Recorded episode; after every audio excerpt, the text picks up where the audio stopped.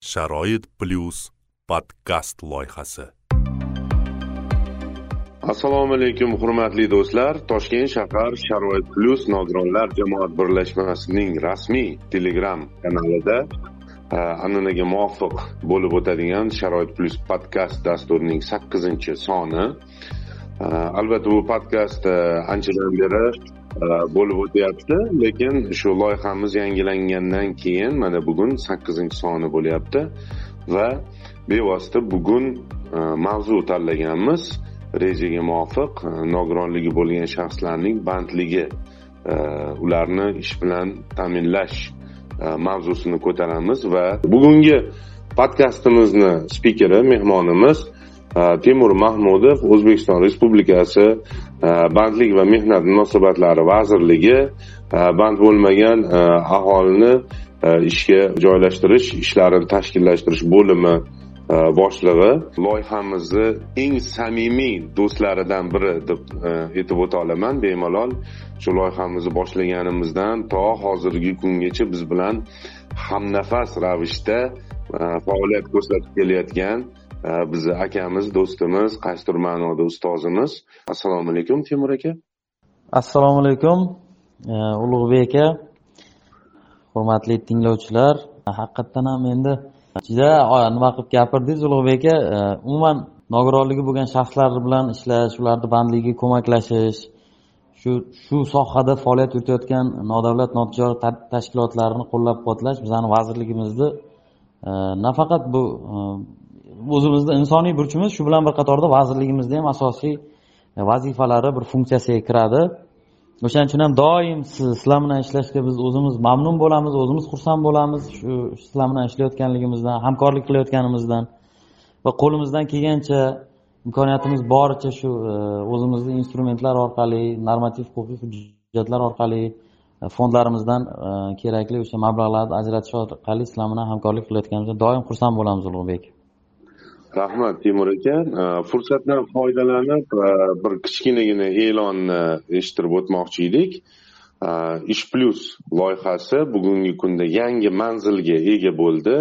Bu ham bevosita bugungi mehmonimiz va bizning boshqa o'sha vazirlikdagi boshqa hamkasblarimizni sa'y harakatlari bilan bo'ldi. Lekin xususan temur aka juda katta hissa qo'shdilar bu borada.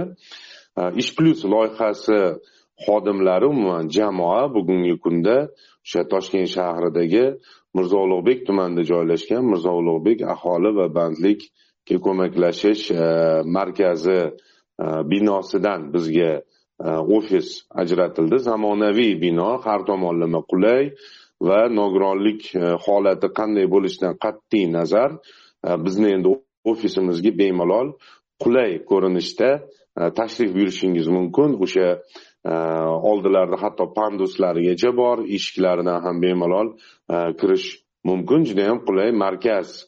Toshkentning markaziy joylaridan birida biz hozir joylashganmiz. E, va e, bu uchun biz o'zbekiston respublikasi bandlik va mehnat munosabatlari vazirligi va uning barcha o'sha jamoadagi barcha bizni hamkasblarimizga do'stlarimizga minnatdorchilik bildiramiz.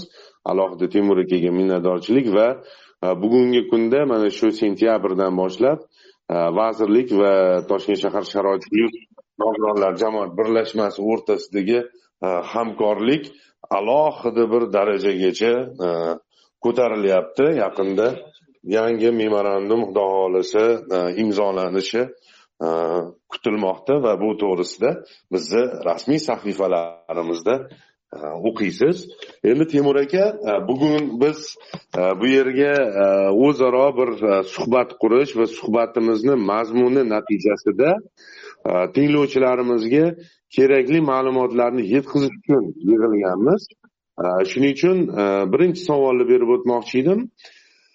Bugungi kunda nogironlik bo'lgan shaxslarni bandligini ta'minlash yo'lida bir qancha yangiliklar bo'ldi. Mana shu oxirgi bir yilda bir qancha qarorlar qaror osti e, normativ hujjatlar qabul qilindi. Umuman e, qanaqangi bir yangiliklar to'g'risida bizga bugun gapirib bera olasiz? E, Rahmat ulug'bek aka haqiqatdan ham ikki ming shu yigirma birinchi yilda Э, oxiridan boshlab ikki ming yigirma ikkinchi yilda umuman biza ham o'zimiz e, mehnat vazirligi nogironligi bo'lgan shaxslarga e, nisbatan o'sha ko'rsatayotgan xizmatlarimizni tubdan qayta ko'rib chiqdik desak ham bo'ladi. Xususan e, davlatimiz rahbarini prezidentimizni o'tgan yili yigirma birinchi dekabrdagi ellik yettinchi sonli qarori bilan bir qancha e, vazirlik idoralarga topshiriqlar ketgan. U yerda xuddi jumladan mehnat vazirligiga ham e, bir nechta topshiriqlar e, bir nechta vazifalar belgilab berildi. Albatta bularni agar sanab o'tadigan bo'lsak birinchi o'rinda umuman o'zbekistondagi mehnat bozoridan sizlarni ozmi ko'pmi xabarlaringiz bor. Bizda mehnat bozori ancha o'sha vaziyat nima deydi tarangroq bizda ishsizlik darajasi yuqori bizda migratsiya bor. Э, vakansiyaga nisbatan ishsizlar soni ko'p. Э, qishloq hududlarda ishga joylashtirish imkoniyatlarimiz ancha cheklangan. Sanoat rivojlanmagan hududlar bor. Shu nuqtai nazardan e, ish beruvchilarni oldida ishga qabul qilishda tanlov imkoniyati ko'p. O'z o'zidan bu nogironligi bor shaxslarni ishga joylashtirishda ularga o'sha e, davlat kafolatlarini o'sha ishga joylashtirish bo'yicha kafolatlarda bir qancha oldimizda e, to'siqlar bor edi. Harakat qilardik administrativ yo'llar bilan ularni shtraf qilish misol uchun kvotalangan ish o'rni bo'ladimi yo bir korxonalarga joylashtirish yo'llari bir ma'muriy ma'muriy resurslar bilan biz e, harakat qilinardi ishga joylashtirishga. Lekin ko'ryapmiz bozor iqtisodiyoti e, tobora erkinlashyapti e, tadbirkorlarga bo'layotgan imtiyozlar ularni qo'llab quvvatlash kengayyapti shu nuqtai nazardan biz ham o'zimizni bir strategiyamizni o'zgartirdikda endi. Э, o'sha kvotalangan sho'rlarga ishga qabul qilish bo'ladimi nogironligi bo'lgan shaxslarni ishga qabul qilish bo'yicha э, yangi moliyaviy mexanizmlar joriy etildi. Xususan э, birinchisi nogironligi bor fuqaroni agarki ishga qabul qilsa tadbirkorlik subyektlari ishga qabul qilsa biz o'sha tadbirkorlik subyektlariga bandlikka ko'maklashish davlat jamg'armasidan olti oy davomida bir yarim Э, brv deymiz. Bazaviy hisoblash miqdorini bir yarim baravar miqdorda biz subsidiya ajratish tizimini e, joriy qildik. Bu vazirlar mahkamasini ikki yuz uchinchi sonli qarori bilan o'zini e, demak norma sifatida tasdig'ini topdi. Ikki e, nizom tasdiqlandi va mana shu mana bugun mana bir yangilikni aytishim mumkin. Bir ming bir yuzdan ortiq nogironligi bo'lgan shaxslar bizda ularni familiyasi bor tumanlar kesimida qaysi tadbirkorlik subyekti joylashgani bor. Bir ming bir yuzdan ortiq nogironligi bo'lgan shaxslarimiz hozir shu subsidiyani olish orqali bandligiga ko'maklashildi. Mana bu bitta e, yangilik deb aytish mumkin. Shu bilan bir qatorda bilasizlar nogironligi bo'lgan shaxslarni demak ishga joylashtirishda ularga o'sha mehnat sharoitlarini yaratishda e, bir nechta o'zini mm, nima deydi o'zi e, asosiy nimalar demak shartlari bor. Ularga mehnat ish beruvchilar mehnat sharoitlarini ta'minlab berish kerak. Shu bilan shu xuddi shu e, demak e, sharoitlarni ta'minlashga davlat tomonidan ko'maklashish uchun ham subsidiya turi joriy qilindiki bu o'sha ish tadbirkorlik subyekti nogironligi bo'lgan o'sha shaxsga ishga qabul qilib unga mehnat sharoitini moslashtirsa shart sharoit yaratadigan bo'lsa demak o'sha e, sharoitlarni demak yaratish xarajatlarini bazaviy hisoblash miqdorini qirq baravargacha hozir o'n ikki million so'mgacha bo'lgan mablag'ni biz ish beruvchilarga qoplab berish tizimi joriy etildi. Shu bilan bir qatorda bilasizlar kvotalangan ish joylari e, bor. Shu kvotalangan ish joylarida ham e, bilasizlar ish beruvchilar doim o'zini demak olib qochish holatlari bo'ladi. E, qandaydir o'sha nogironligi bo'lgan fuqaroni ishga qabul qilsa ularga qandaydir sharoit yaratish kerak degan masalalar bo'lardi. O'sha nogironligi bo'lgan shaxslarni agar umuman ijtimoiy ehtiyojmand aholi qatlamlarini ishga qabul qiladigan bo'lsa tadbirkorlik subyektlariga ish beruvchilarga o'n ikki oy davomida bazaviy hisoblash miqdorini ikki baravari miqdorida demak e, subsidiya joriy etildi. Bu e, sverxkvota subsidiya deydi ya'ni kvotadan ortiqcha o'sha shunday toifadagi fuqarolarni ishga qabul qiladigan bo'lsa o'n ikki oy davomida olti yuz ming so'mdan bizni jamg'armadan pul olish tizimi joriy etildi. Endi ellik yettinchi sonli qarorni agar ko'rgan bo'lsalaringiz bu yerda o'sha e, misol uchun nogironligi bo'lgan shaxslarni daromad solig'i bo'yicha belgilangan imtiyoz bo'lardi oldin birinchi ikkinchi guruh nogironligi bo'lgan shaxslar daromad solig'i e, eng kam mehnatga haq to'lash eng kam miqdorini bir qirq bir baravar bo'lardi. Bu o'sha narsa uch baravargacha oshirildi. Hozir bu ikki million e, yetti yuz ming so'mgacha bo'lgan ikki million yetti yuz mingdan ham o'tadi. Hatto e, ikki million yetti yuz ming so'mdan ortiq mablag' agar daromad qiladigan bo'lsa ulardan daromad solig'i olinmaydi. Yo bo'lmasa bitta katta muammomiz bor edi. O'sha ko'z ojizlar jamiyati tasarrufidagi bir qancha tashkilotlar bo'lgan karlar jamiyati tasarrufida bir qancha tashkilotlar bo'lgan nogironlar jamiyati tasarrufidagi tashkilotlarni e, demak e, o'sha tasarrufdagi korxonalar e, joyiga ham chiqib ko'rganmiz. Juda demak samarasiz ishlayapti. Ayni ayni damlarda shularni ham sog'lomlashtirish bo'yicha qaror loyihasini kiritish bo'yicha ularga bir imtiyozlar berish bo'yicha topshiriq bo'lgandi. O'sha qaror loyihasi bo'yicha ham hozir ishlayapmiz. To'g'ri unda muddatlarimiz sal kechikyapti vazirlik idoralari bilan kelishuv jarayonlari sal cho'zilyapti lekin mana shu qaror loyihasida ham bir katta imtiyozlar nazarda tutilyapti. Ulug'bek aka rahmat timur aka. Kattakon yangiliklar bilan bizni tanishtirganingiz uchun. Endi boya o'sha so'zingiz boshida mm, bir qancha muammoli holatlar to'g'risida gapirib o'tdingiz. Э, o'zi mana э, yaqinda o'sha э, oliy majlisda ham bir e, hisobot tinglanildi. E, Bandlik va mehnat munosabatlari vazirligi tomonidan. E, Xorazm viloyatida nogironligi bo'lgan shaxslarni bandligi masalasi to'g'risida xulosalar va o'zbekiston respublikasi prezidentini ikki ming yigirma birinchi yil yigirma birinchi dekabrdagi ellik yettinchi sonli Э, qarori э, ijrosi bo'yicha xorazm viloyati misolida э, fikr mulohazalar tinglandi va tahliliy fikr mulohazalar almashildi. Endi e, bir qancha muammolar to'g'risida e, o'shanda e, o'zbek o'sha vazir o'rinbosari bahodir aka aytib o'tdilar. Umurzoqov bahodir aka. Gapirib o'tdilar. Э, umuman bugungi kunda eng ko'p uchrayotgan muammo to'siq. Э, mana sizlarga ham baribir hisobotlar kiradi.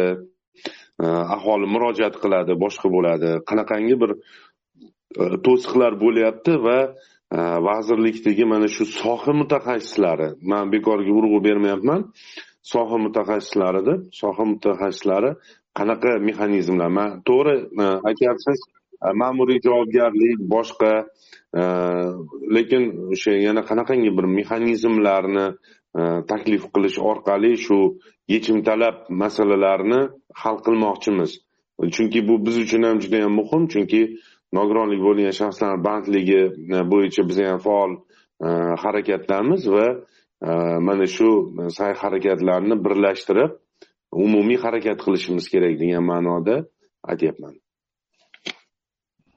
Ulug'bek aka rahmat albatta e, savollar juda ko'p. Nega nogironligi bo'lgan shaxslarni shu bandlik darajasi e, past deganda e, endi bir nechta buni sabablari bor.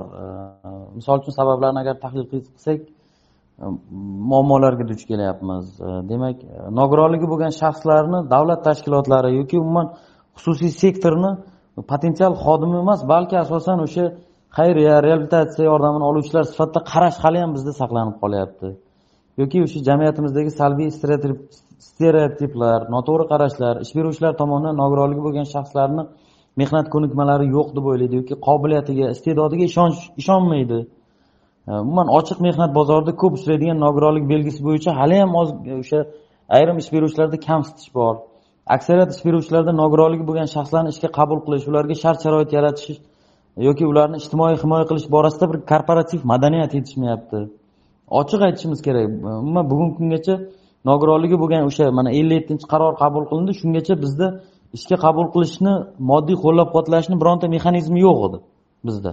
Ya'ni uni ish beruvchilarni qo'llab quvvatlaydigan yoki nogironligi bo'lgan shaxslarni qisqa muddatli o'sha mehnat bozorida talab yuqori bo'lgan kasblarga o'rgatishni e, ham bir e, yetarli darajada yo'lga qo'yilmagandi. Ularga mos e, ayrim respublikamizda o'sha bir bir bir nechta kollejlar yoki kasbiy o'qitish markazlari bor edi. Umuman inklyuziv e, ta'lim deyapti hamma joyda. Butun dunyoda shu narsa hozir eng aktual muammo. Ijtimoiy soha bo'yicha muammo gap ketganda birinchi inklyuziv ta'lim inklyuziv bandlik so'zlar ketadi. Lekin bizda yo'q edi.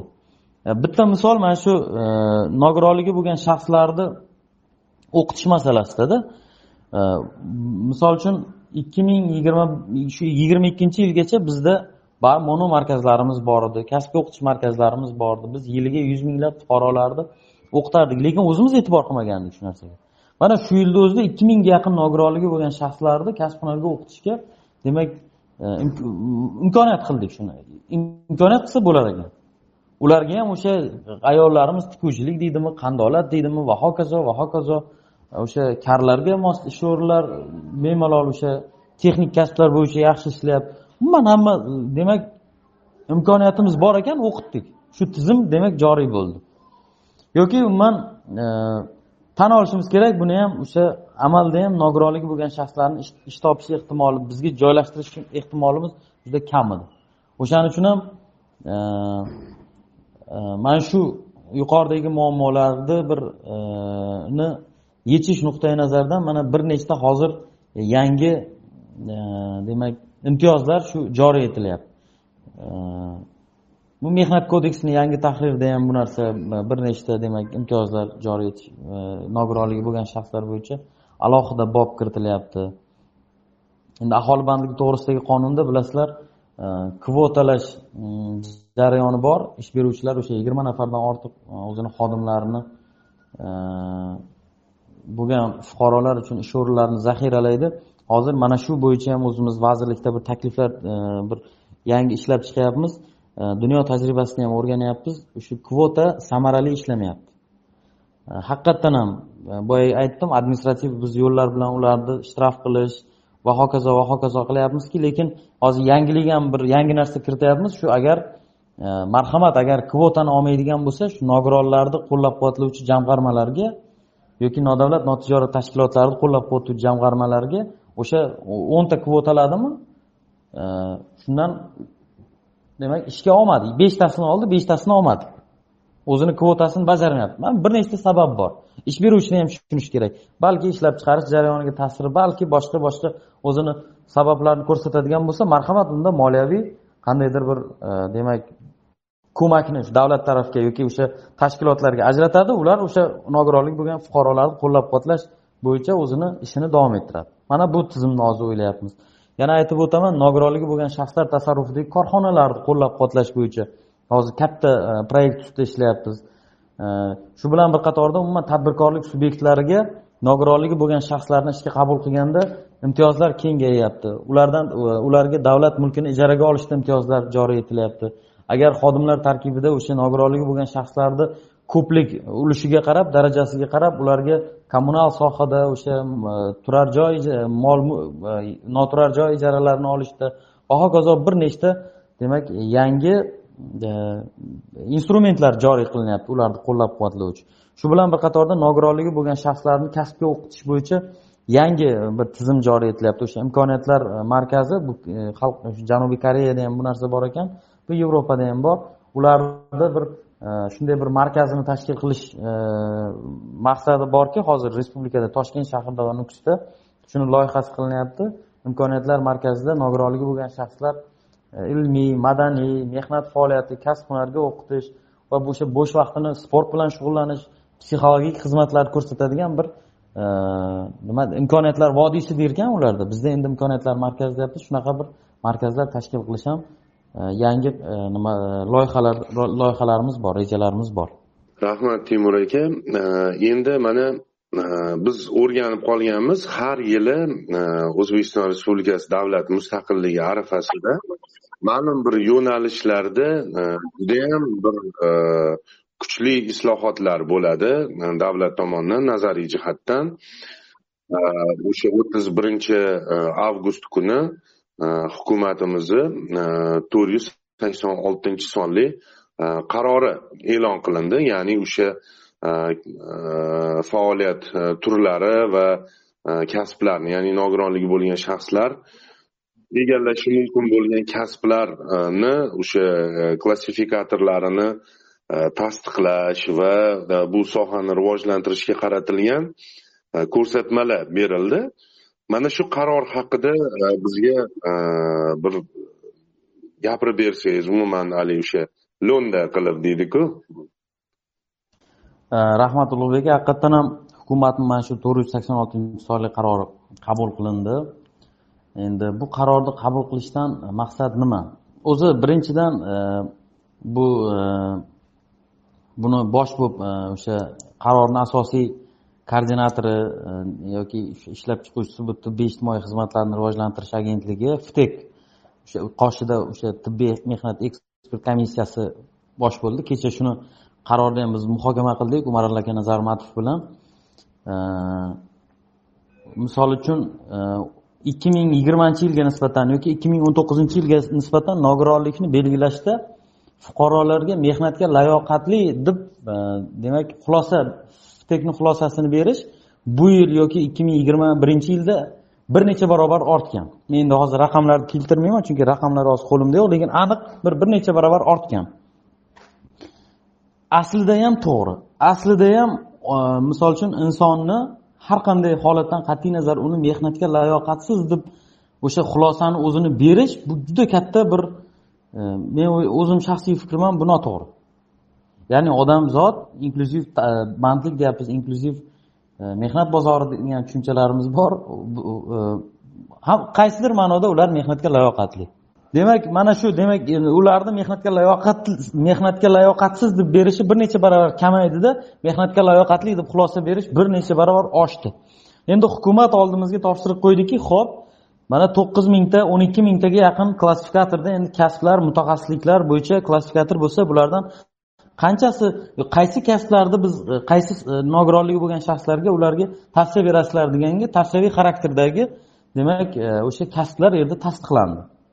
Va ularni bevosita bu har bitta nogironligi bo'lgan shaxsni demak ftek xulosa berayotganda qaysi sohalarda qaysi kasblarda ishlashi mumkin bo'lgan tavsiyalarni ham shu demak berish amaliyoti joriy qilindi. Shu bilan bir qatorda o'sha nogironligi bo'lgan shaxslarni reyestri demak tashkil etilyapti. Ular qaysi kasblarga ishlashi mumkin bo'lganligi to'g'risidagi u ham bir reyestr tashkil etilib va ulardagi o'sha tavsiyaviy xarakterdagi demak xulosalari bizni mehnat vazirligini aholi bandlik markazlaridagi nimalar e, aholibandlik aholi bandlik markazlarini hisobotini yurituvchi bandlik xizmati axborot tizimiga to'g'ridan to'g'ri integratsiya bo'ldi.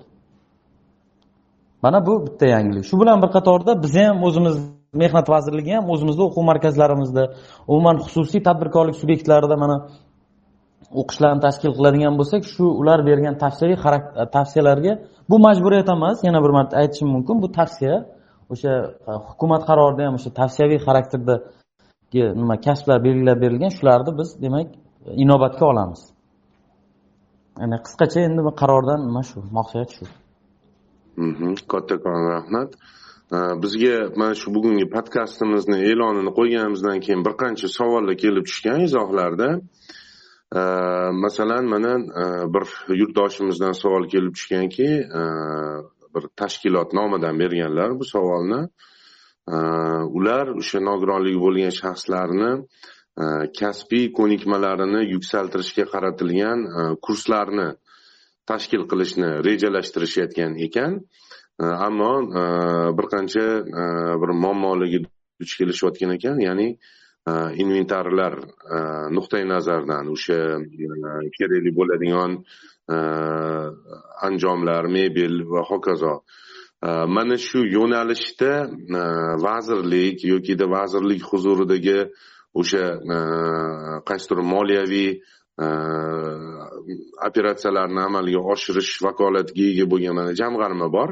Misol uchun э, shu jamg'arma tomonidan mana shu kabi tashabbuslarni qo'llab quvvatlashga э, qanchalik rag'bat bor va buni qanday qilib ular amalga oshira oladilar? Vazirlik tizimida e, mehnat vazirligi huzurida bandlikka ko'maklashuvchi davlat jamg'armasi bor. E, shu bilan bir qatorda e, haq to'lanadigan jamoatchilarni tashkil qilish bo'yicha jamoat ishlari jamg'armasi ham bor.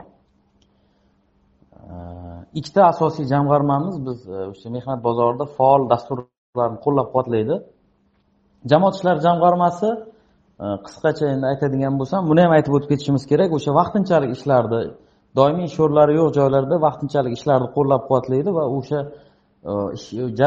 jamoat ishlariga jalb qilingan fuqarolarga ish haqini ham o'sha jamg'armani o'zi to'lab beradi yil boshidan beri mana shu jamoat ishlari jamg'armasi orqali respublikamizda uch yarim mingdan ortiq nogironligi bo'lgan shaxslarni biz vaqtinchalik ishlarga jalb qildik. Buni ham bir e, kezi kelganda aytib o'tmoqchiman. Endi bandlikka ko'maklash davlat jamg'armasidan ikkita uchta instrumentimiz bor. Kasbga o'qitishni qo'llab quvvatlovchi bittasi biz hozir ham e, joriy e, ayni paytda ham e'lon qilganmiz. Bu Э, uch xil yo'nalishda biz nogironligi shaxslarni qo'llab quvvatlovchi nodavlat nodavlat notijorat e, nodavlat notijorat tashkilotlarini nogironligi bo'lgan shaxslarni qo'llab quvvatlovchi nodavlat notijorat tashkilotlarniga demak ijtimoiy buyurtma berish tizimi. Bunda e, shu shu ijtimoiy buyurtmalarni bitta yo'nalishi nogironligi bo'lgan shaxslarni kasb hunarga yo'naltirishga ko'maklashish. Ya'ni ayni bir respublikamizni bir hududida yo bir viloyatida nogironligi bo'lgan shaxslarni o'sha e, qiziqishidan kelib chiqib ularni demak e, ularga tavsiya etilgan kasblar va ularni qiziqishlaridan kelib chiqib ushbu fuqarolarni shaxslarni kasb hunarga tayyorlash qayta tayyorlash bo'yicha davlat yoki nodavlat tashkilotlariga yo'naltirish bo'yicha xizmatlar ko'rsatayotgan e, nnt nodavlat notijorat tashkilotlariga biz ijtimoiy buyurtmalar beramiz. Bu bazaviy hisoblash miqdorining e, ikki yuz baravarigacha ya'ni oltmish million so'mgacha. Demak ularni ijtimoiy buyurtmalar berish tizimimiz bor.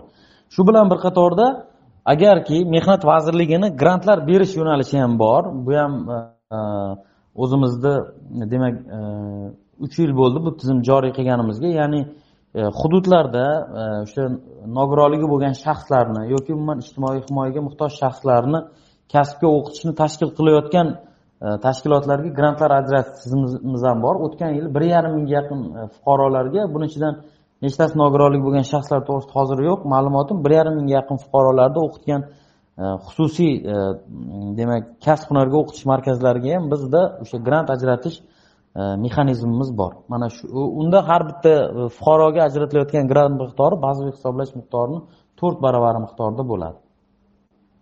Mana shu ikkinchi yo'nalishimiz bor ikkita yo'nalishimiz bor. E, shu bilan bir qatorda biz e, xususiy e, demak kasbga o'qitayotgan markazlarga grant ajratmasdan turib ular bilan to'g'ridan to'g'ri shartnoma tuzib shartnoma tuzib ya'ni misol uchun aytmoqchimanki samarqand viloyatini bir hududi kattaqo'rg'on tumanida mehnat vazirligini o'quv markazi yo'q lekin kattaqo'rg'on tumanida fuqarolarni xususiy kasbga o'qitish markazi faoliyat yuritayotgan bo'lsa xususiy. Biz shu korxonaga shu shu tashkilotga demak shartnoma qilib o'sha atrofdagi nogironligi bo'lgan shaxslarni yoki umuman fuqarolarimiz o'sha o'quv markazida o'qitib ularga ham biz demak shartnoma asosida e, xarajatlarni umuman pullar e, o'sha shartnoma asosidagi demak moliyalashtirib berishimiz mumkin mana shu uch xil yo'nalishda biz ular bilan ishlay olamiz rahmat kattakon. Javob uchun? Э, eng ko'p keladigan savollardan э, bittasini bermoqchi edim. Hozir э, tinglovchilardan to'g'ridan to'g'ri savol olishdan oldin. Savollar ko'p kelib tushardi oldin mana shu ishsiz fuqarolarni monomarkazlarda kasbiy o'sha e, salohiyatlarini oshirish bo'yicha e, ta'lim jarayonida ularga e, o'sha haligi stipendiya deymiz. Endi sodda tilda stipendiya to'lanar edi to'lanadi va e, avvallari nogironligi bo'lgan shaxslar davlat tomonidan e, pensiya olganligi sababli nogironlik nafaqasini olganligi sababli ularga bu to'lovlar to'lanmas edi. E, lekin hozir shunaqa ma'lumotlar sizdirilyaptiki hozir endi nogironligi bo'lgan ishsiz fuqarolar ham shu monomarkazlarida o'qiganda biron bir kasbiy yo'nalish bo'yicha ularga mana shu e, oylik stipendiyalar e, to'lab berilyapti deyishyapti. Bu gaplar qanchalar asosli va masalan e, buni o'sha vazirlik mulozimi sifatida siz qanchalik tasdiqlaysiz? Ulug'bek aka haqiqatdan ham mana shu demak shu sizdirilayotgan ma'lumotlarda haqiqat bor. Bekorga buni odamlar aytmaydi. Bu bor gap. Biz birinchi o'sha yil boshidan monomarkazlarda e, nogironligi bo'lgan shaxslarni o'qishga jalb qilib boshlagan paytimizda oldimizda e, o'sha rahbariyatimiz vazirligimiz rahbariyati tomonidan hududlarda e, uchrashuvlar o'tkazildi. Nogironligi bo'lgan shaxslarni birinchi monomarkazlarga biz demak ekskursiyalarni tashkil qildik. Va shu jarayonda ulardan talab bo'ldiki shu nogironligi bo'lgan shaxslarni o'qish jarayonini bepul qilib berganmiz.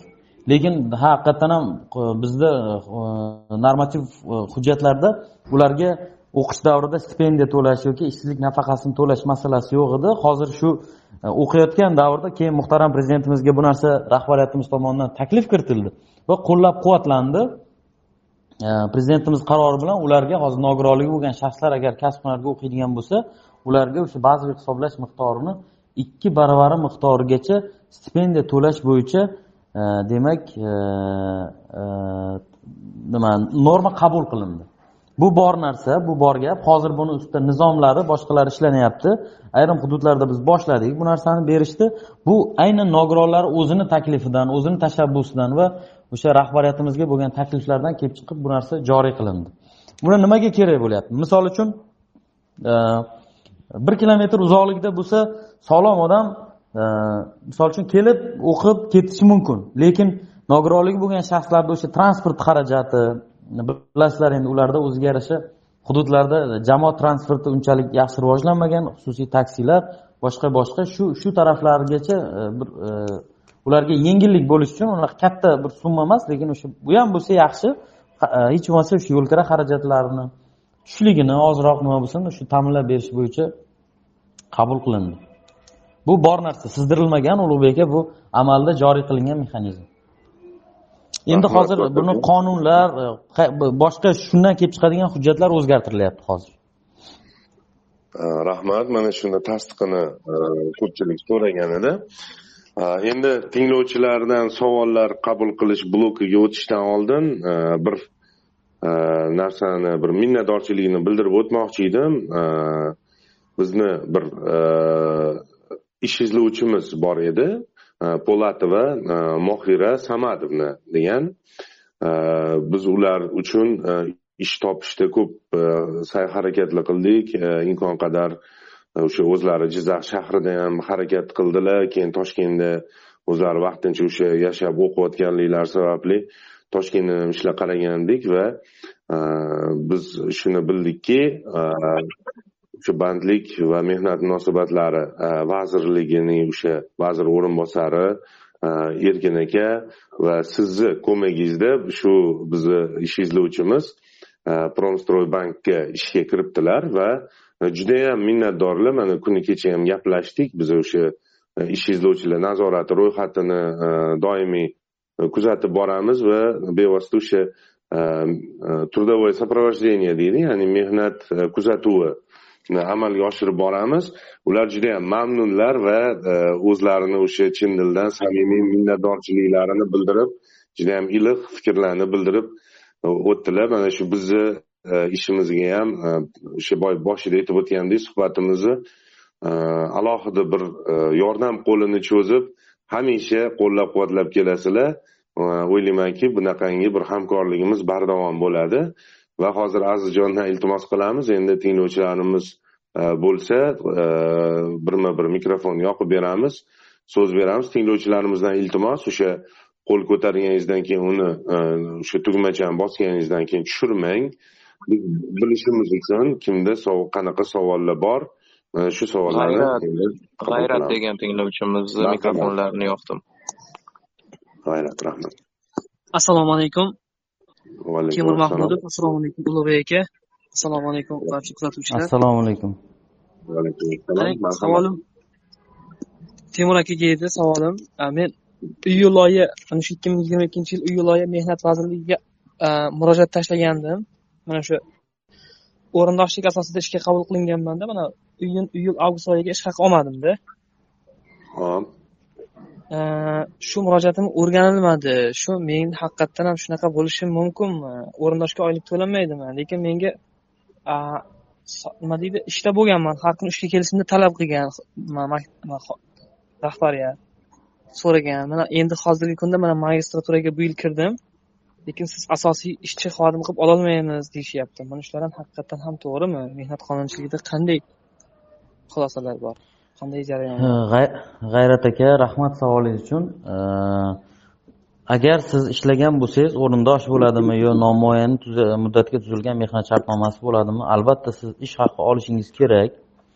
Mehnat vazirligiga agar murojaat qoldirgan bo'lsangiz bu albatta o'rganilgan. O'rganilmasdan bizda murojaatlar birontasi demak nazoratdan yechilmaydi.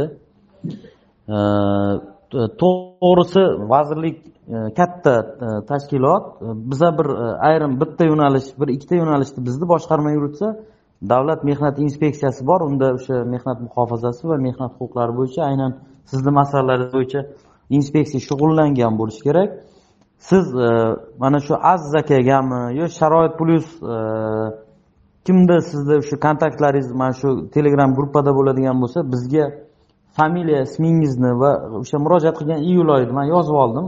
Agar aytadigan bo'lsangiz yoki qisqagina telegramdan bo'lsa ham yozib yuboradigan bo'lsangiz men o'sha murojaatingizni natijasini u o'rganilganligi to'g'risidagi ma'lumotlarni olib siz bilan tanishtirgan bo'lardim. Yo'q e, yana bir marta aytaman siz agar ishlagan bo'lsangiz shartnomangiz fuqaroviy huquqiy tusdagi shartnoma bo'lsa ham o'rindoshlik ishlayotgan bo'lsangiz yo umuman ishlayotgan bo'lsangiz albatta oylik olishingiz kerak.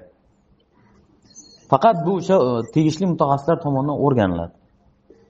Aha, shunday o'rganiladida lekin o'sha men tashlagan murojaatim o'rganilmadida o'shaning uchun hozir podkast uyushtiriladi deb ancha vaqtdan beri juda intizorlik bilan yuborgandingiz murojaatingizni g'ayrajon man iyulni sakkizida jo'natganman. Qaysi viloyatda bo'lgan bu g'ayrat aka? Surxondaryo viloyati sho'rchi tumani e, angor tumanida. Surxondaryo angor. Familiyangiz nima edi? Ayta olasizmi familiyangizni ha albatta. Abdirovidov g'ayrat abdimutalibovich. Lekin xodimlaringiz ham albatta aytgan uch oygacha o'rganilishimiz mumkin cho'zilib ketishi mumkin deb gaplashgan administratsiya xodimlari. Uch oy uch oygacha emas endi ha o'rgangan bo'lishim man balli buni ko'taraylik. Balki qani man sizga hozir bir bu narsada va'daboz bo'lib qolmayman lekin ko'tarib buni ko'rib nima bo'lgan nima qo'yganini man sizga aniqlab beraman ho'p sizga telegramdan xabarimni yozib qo'ydim assalomu alaykum deb bo'ldi yozib qo'ygan bo'lsangiz g'ayrat aka siz bilan buni gaplashib olamiz yana Mhm, Rahmat, rahmat savol uchun javob uchun ho'p mayli aka charchamangizlar ishlarga omad. Rahmat. Marhamat keyingi tinglovchimiz e, uyimiz efirga abdulloh degan tinglovchimiz. Abdulloh marhamat. Assalomu alaykum. Va alaykum assalom marhamat savolingizni yo'llasangiz savolim shundan iboratki e, mana shu nogironlarda juda ko'p sarsangarchilik bo'lyaptida. O'zim ham e, zrenadan учетda turaman o'shani hisobiga boshqa e, ko'z yoki ko'zdan tashqari har qanday nogironligi bo'lgan shaxslarga ishga joylashish to'siq kamda o'ta kam. Lekin biznikida kuchliligidan ho'p qayerga boshqarmaga bordim. Maktabgacha ta'limga keyin ko'yinki hokimiyatdan tortib adliya vazirligigacha chiqdimda ish so'rab. Hammasida bir xil gap qanaqa e, zreng sizni ko'zingizga to'g'ri keladigan bizda mos ish yo'q deyapti. Endi hozir undan yangi qonunlar chiqyapti bu tezroq amalga oshiriladi degan umiddamanu. Lekin mana shuni iloji boricha mana bu chekka rayonlarda ham shug'ullanadigan alohida bir sektor tashkil qilsa bo'ladimi? Mehnat e, bandlikka ko'maklashish markazida.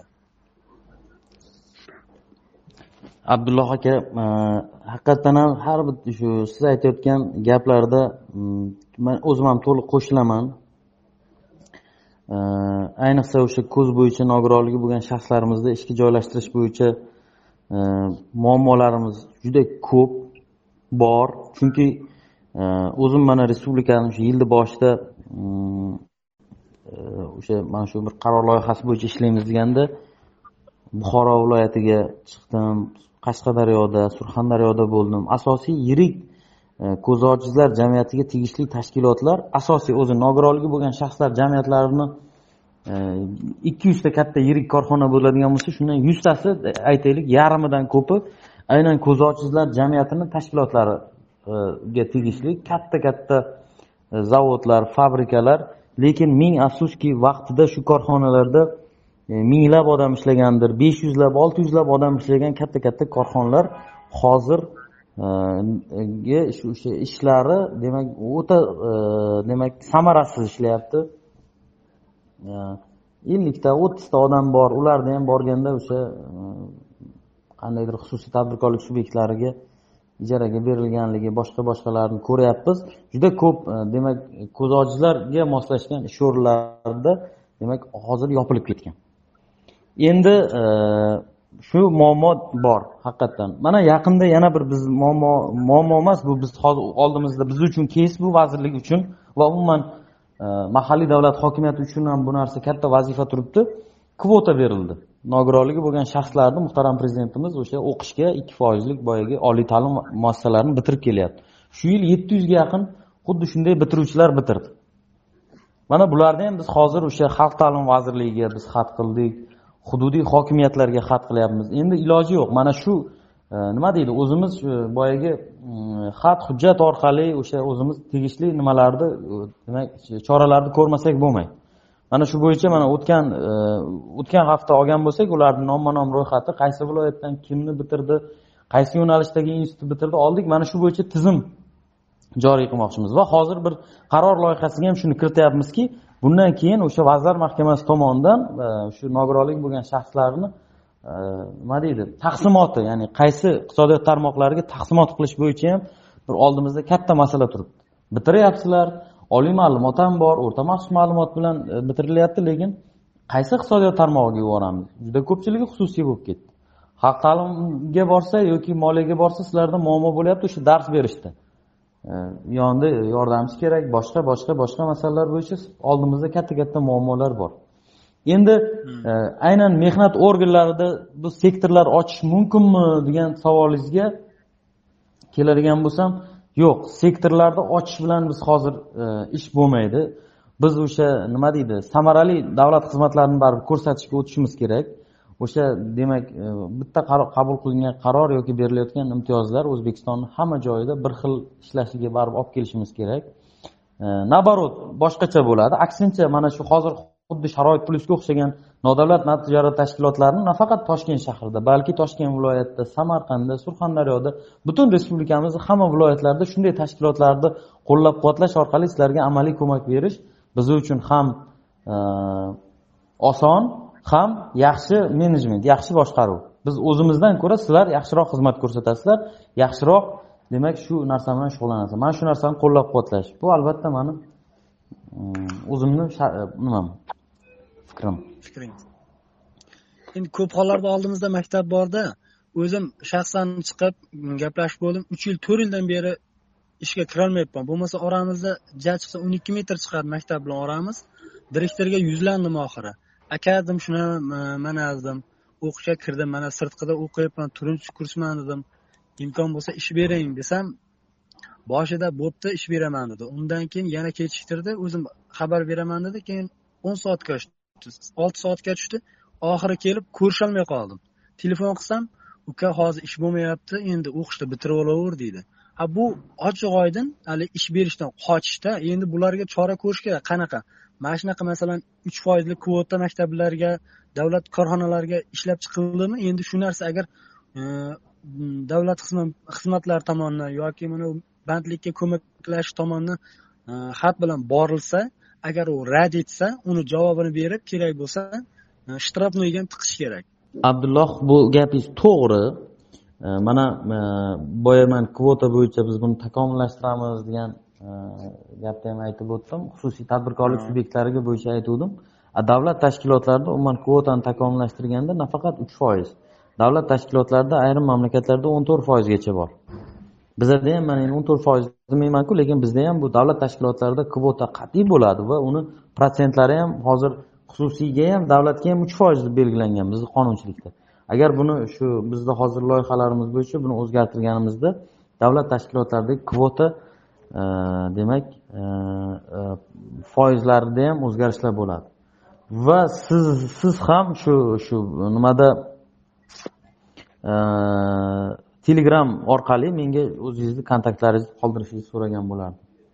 Bo'ldi aka rahmat. Ishga joylashtirish rahmat ko'rsatdim abdulloh rahmat. Savol uchun marhamat yana savollar bo'ladigan bo'lsa arzijon? Bir kam dunyo.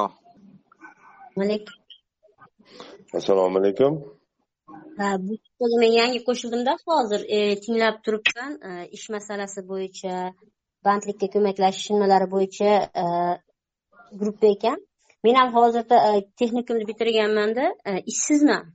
E, o'zi o'sha ko'z bo'yicha ikkinchi gruppa nogironiman sog'lomlarga e, ishga kirishga muammoyim bor.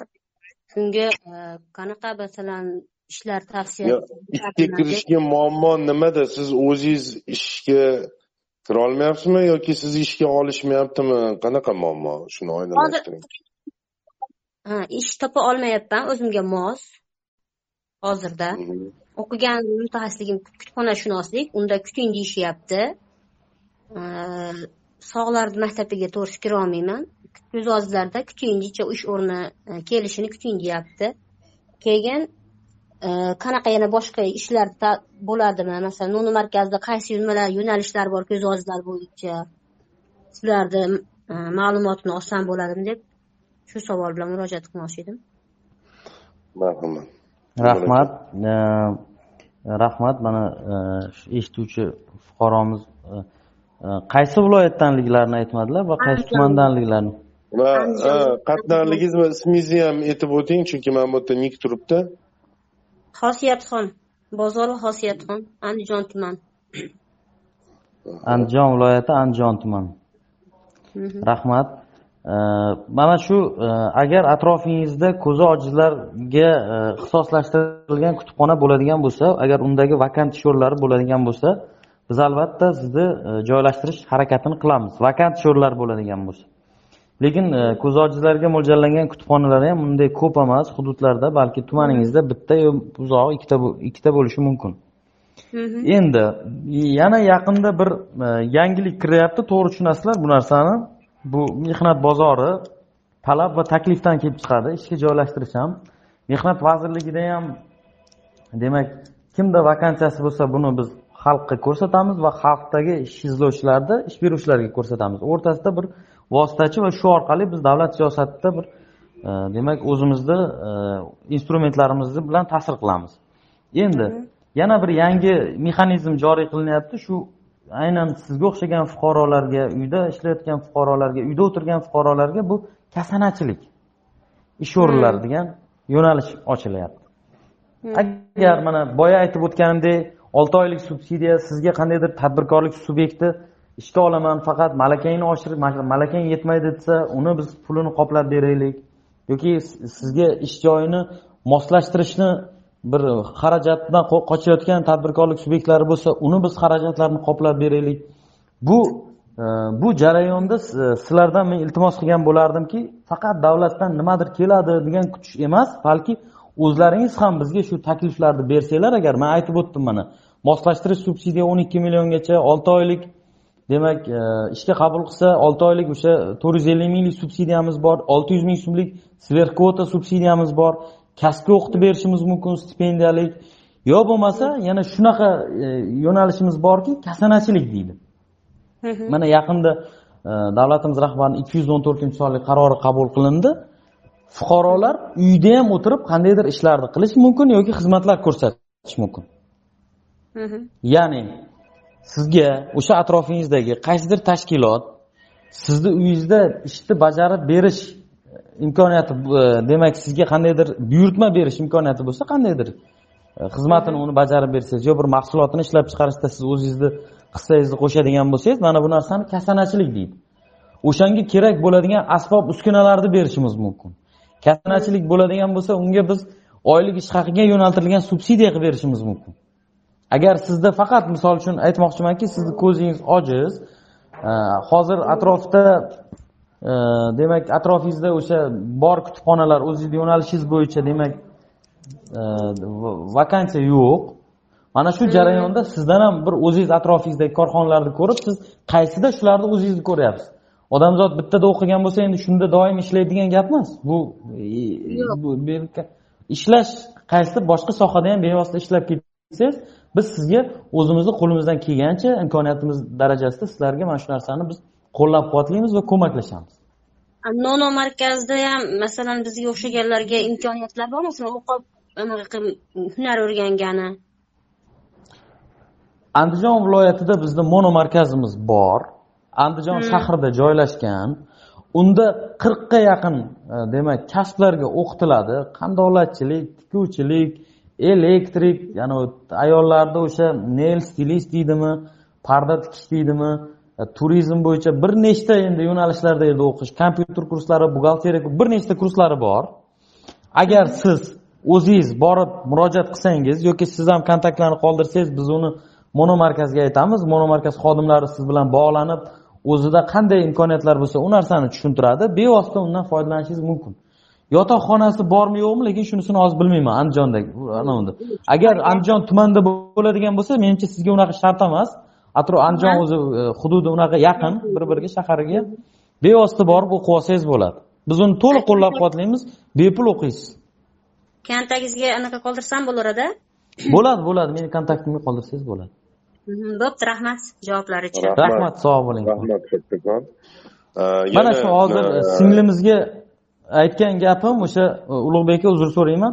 Mana shu hurmatli tinglovchilar mana shu atrofingizda sizlarda o'sha e, o'zingizni mutaxassisligingiz bo'yicha ish topolmayapsiz. Mehnat organida aholi bandligi to'g'risidagi qonunda shundayki biz fuqaro bizga murojaat qiladi. Misol uchun unga maqbul keladigan ish yo'q. Nafaqat nogironligi bo'lgan shaxs balki sog'lom odamga ham ish topolmasligimiz mumkin. Shunday holatda biz ularni ishsiz deb e'tirof etamiz. Endi sizlar davlat tomonidan pensiya olganlar uchun sizlarni ishsiz deb e'tirof eta olmaymiz lekin ularni ham olti oy muddatga ishsiz deb e'tirof etib kasbini malaka e, mutaxassisligini o'zgartirish biz taklif qilamiz. Chunki e, misol uchun men samarqand kattaqo'rg'on tumanidanman. Men qishlo- qishlog'imda yoki menga yaqin atrofda meni mutaxassisligimga mos ish bo'lmaydigan bo'lsa men o'sha atrofda bor demak e, korxona va tashkilotlardagi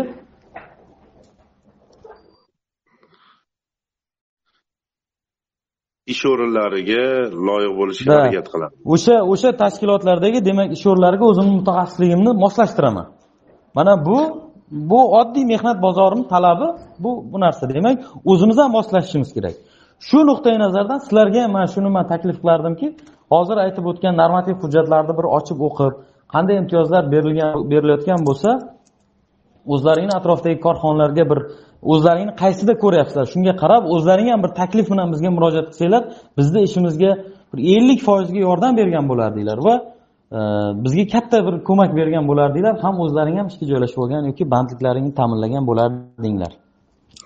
Ha bizni e, hukumatimizda e, mana shu islohotlar qilinganda e, moliyaviy qo'llab quvvatlashda ko'proq shunchaki moliyaviy qo'llab quvvatlash emas o'sha moliyaviy qo'llab quvvatlanayotgan davrda profilaktika jarayoni ya'ni o'sha deylik moslashish yokida bir yangi ko'nikmalarni egallab bir yo'nalish olish uchun imkon beriladi va shu imkon vaqtida endi e, insonlar masalan og'zini bir tikib qo'yib bo'lmaydi ro'zg'ori bor tirikchiligi bor e, boshqa tibbiy masalan xarajatlari bo'lishi mumkin.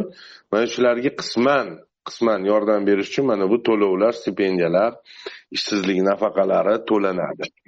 Bitta e, tinglovchimizni qabul qilamiz agar bo'lsa savollari vaqtimiz chegaralangan.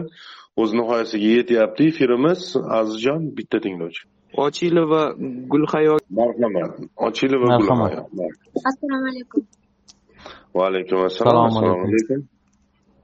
qara savolim shundan iboratki e, man e, pedagogika universitetini tugatdimda Mhm. tugatganimdan keyin e, maktabga ishga anaqa qilish uchun borsam qabul qilishdi ishga boshida keyin bir yil ishladimda keyin mana shu yil ikki ming yigirma ikkinchi yil yana sentyabrga borsam bir qonunni aytishdida manga bunaqa emish man ikkinchi guruh nogironligim uchun manga dars soat berishga ular anaqa ekan nima deydi ishlashga huquqim yo'q emishmi shunaqa emish davlatga qanchadir olgan oyligimni o'tgan yil olgan oyligimni qaytarib berishim kerak ekan.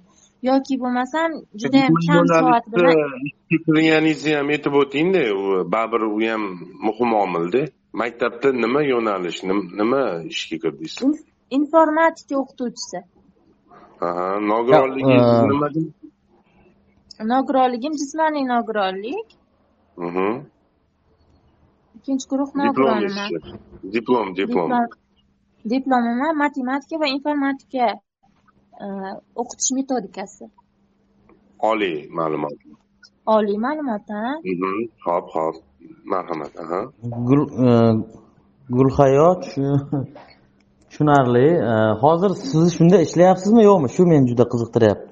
Hozir manga shu dars soati olib qo'yishmoqchi. Manga berishga ular qo'rqib turishibdida mana bersa deydi siz o'zingiz qarori qaytarishingiz- nomi nima bir narsa aytdimi sizga Nim- nima asos keltirdi sizga manga bilmayman qanaqadir qaror deydi man aytdim o'sha qarorni manga ko'rsating desam erta ko'rsataman bugun ko'rsataman deyishadi gulhayo bo'lmasa darrov siz menga yozing o'zingizni kontaktlaringizni endi bu gap bilan bu narsa bo'lmaydi. Ular nimanidir asos qilib agar aytayotgan bo'lsa shuni bir ko'tarib ko'raylik endi o'tgan yili bergan endi pedagogikani o'zida shunaqa bir nyuanslari bor. Mutaxassis non mutaxassis va hokazo agar institut bitirgan bo'lsangizku yaxshi.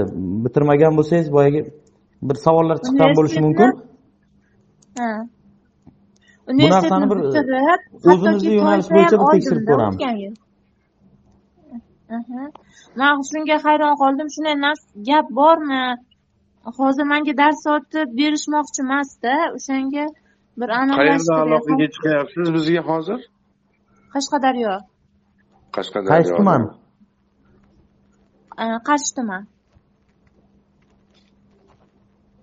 Qarshi tumani maktab nomeri bormi qirol endi hozir qarang e, ularga anaqa tushmaydimi? Keyin birdan aytibsiz yo yo yo yo yo gulhayo siz unisidan xavotir olmang. Bir biz o'zimiz qiziqib ko'ramiz. U sizni murojaat qildingiz boshqa degan narsa emas. O'zimiz ham bir qiziqib ko'ramiz. Qirq oltinchi maktabmidi? Ha. Asta o'zimiz qiziqib ko'ramiz. Sizga hech qanday gap tegizmasdan nima qilamiz? Bu yerda bir tekshiruv emas boshqa emas bir so'rab o'zi e, masalani bir mohiyatini yechib olishimiz kerak.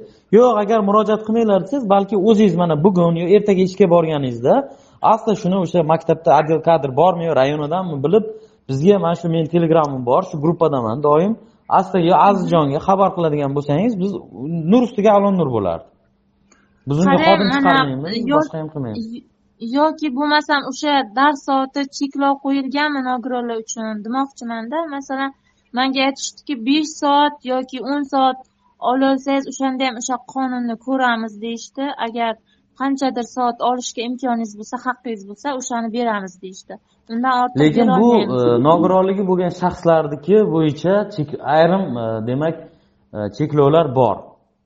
Bu narsani bitta ko'ramiz misol uchun biz qirq foiz e, qirq soat ishlaydigan bo'lsak nogironligi bo'lgan shaxslarda o'ttiz olti soat va kam undan ham kamroq ishlash mumkin. Endi ta'lim sohasinikini men aniq bilmayman. Hozir men sizga uni e, ayta olmayman. O'shaning uchun o'zingiz ba- balki o'sha nimaga asoslanib bu gapni aytyapti? Shuni bir qiziqib e, so'rab bering. Yo'q bo'lmasa yo'q so'ramayman. Desangiz o'zimiz ham borib so'rashimiz mumkin. O'zim so'rab ko'ramanda lekin o'sha kasaba uyushmasidan telefon qilib shunaqa deyishganmish. Endi nogironlik belgisi bo'yicha hech qaysi ish beruvchi kamsitishga o'zi asli haqqi yo'q lekin mayli bu o'zingizni tashabbusingiz bilan bo'ladigan narsa. Masalan agar ishlamoqchi bo'lsangiz va huquqingiz borligiga ishonsangiz va u huquqingizni tiklamoqchi bo'lsangiz mana bizada ish plyus loyihasi bor bevosita vazirlik nomidan timur aka biza bilan har doim hamnafaslar bemalol mana shu loyiha orqali temur akaga aloqaga chiqishingiz ham mumkin mana shu yerda guruhda ham borlar bemalol o'zlariga yozishingiz ham mumkin bo'ladi. E, o'zingizni murojaatingizni. Ho'p rahmat. Kattakon Sog' bo'ling. demak hurmatli rahmat. Hurmatli tinglovchilar e, bugungi podkastimiz o'z nihoyasiga yetib bormoqda. E, savollar ko'p e, lekin mana shu savollar bo'yicha bizni ham mana shu xodimlarimiz ya'ni ish plyus loyihasi bor. Ish plyus loyihasini ma'lumot xizmati bor. E, to'qson kodi bilan sakkiz yuz o'n sakkiz nol yetti nol sakkiz raqamiga qo'ng'iroq qilsangiz o'sha nima deydi mehnat huquqi bo'yicha konsultatsiya olishdan tortib e, o'zingiz uchun munosib bo'lgan o'sha toshkent shahri va toshkent viloyatida hozircha ish o'rinlariga e, ishga kirishgacha bo'lgan yo'nalishda ko'mak olishingiz mumkin bo'ladi. Raqamni qaytaraman. E, to'qson kodi bilan sakkiz yuz o'n sakkiz nol yetti nol sakkiz. Bizni o'sha mirzo ulug'bek aholi bandlik ko'maklashish markazida hozir joylashgan ofisimiz. Mana shu ofisga tashrif buyurish orqali ham bemalol konsultatsiya olishinglar mumkin bo'ladi. Bugungi podkastimizni spikeri mehmonimiz e, temur mahmudov o'zbekiston respublikasi e, bandlik va mehnat munosabatlari vazirligi e, band bo'lmagan aholini ishga joylashtirish ishlarini tashkillashtirish bo'limi boshlig'i. Temur aka qimmatli vaqtingizni ayamasdan bizga tashrif buyurganingiz uchun rahmat. Hozir e'tirof etib o'tmoqchiman. Temur aka shu ish plyus loyihasini ofisida o'tirib biz bilan suhbat qilyaptilar. Mana shu masalaga o'zlarini e'tiborlarini bir ifodasi o'laroq e, bugun tashrif buyurdilar ofisga va e, biz bilan e, suhbatni amalga oshirmoqdalar. Temur aka tilaklaringiz bo'ladigan bo'lsa suhbatimiz oldida. Rahmat ulug'bek aka katta rahmat e, hurmatli tinglovchilar. Mana bir soat qisqagina vaqt bo'lsa ham sizlar bilan uchrashdik. Ozgina bo'lsa ham man o'zimga bir narsalar belgilab oldim. E, biz endi davlat tashkiloti sifatida sizlar bilan doim ham shunday bir ochiq e, mehnat vazirligi o'zi bir ochiq xalq bilan ishlaydigan vazirlik. Biz tayyormiz doim sizlarni. Qanday qo'limizdan kelgancha imkoniyatimiz boricha shu muammolaringizga masalalaringizga takliflaringizga yo'ldosh bo'lishga ko'maklashishga mana shu podkastlarni endi men o'ylaymanki ulug'bekka o'tkazib turamiz vazirlikdan balki o'sha huquq bo'yicha e, texnik e, e, mehnat xavfsizligi bo'yicha mana nogironligi bo'lgan shaxslarni o'zim yana mana shu bir oyda birmi balki u vaqtga qarab oyda ikki martami yo ikki oyda bir martami shunday podkastlarni o'tkazib turaylik. Biz doim tayyormiz. Qo'llab quvvatlashga sizlar bilan hamkorlikda ishlashga. Doim ochiqmiz sizlarga. Bevosita bizga qo'limizdan E, murojaat qilaveringlar. Qo'limizdan kelgancha yordam beramiz. Bo'lmasa tushuntiramiz. E, imkoniyatlarimizni takliflaringiz bo'lsa ham biza bevosita sizlarni takliflaringiz biz uchun juda qimmat. Chunki hozir e, hukumatimiz bizdan shu narsani so'rayapti. Xalqdagi nima muammolar bor? Ularni nimalari qiynayapti? Ularga biz qaysi bir qarorlar bilan yordam berishimiz kerak degan masalalar bizani vazirlikni oldiga qo'yadi.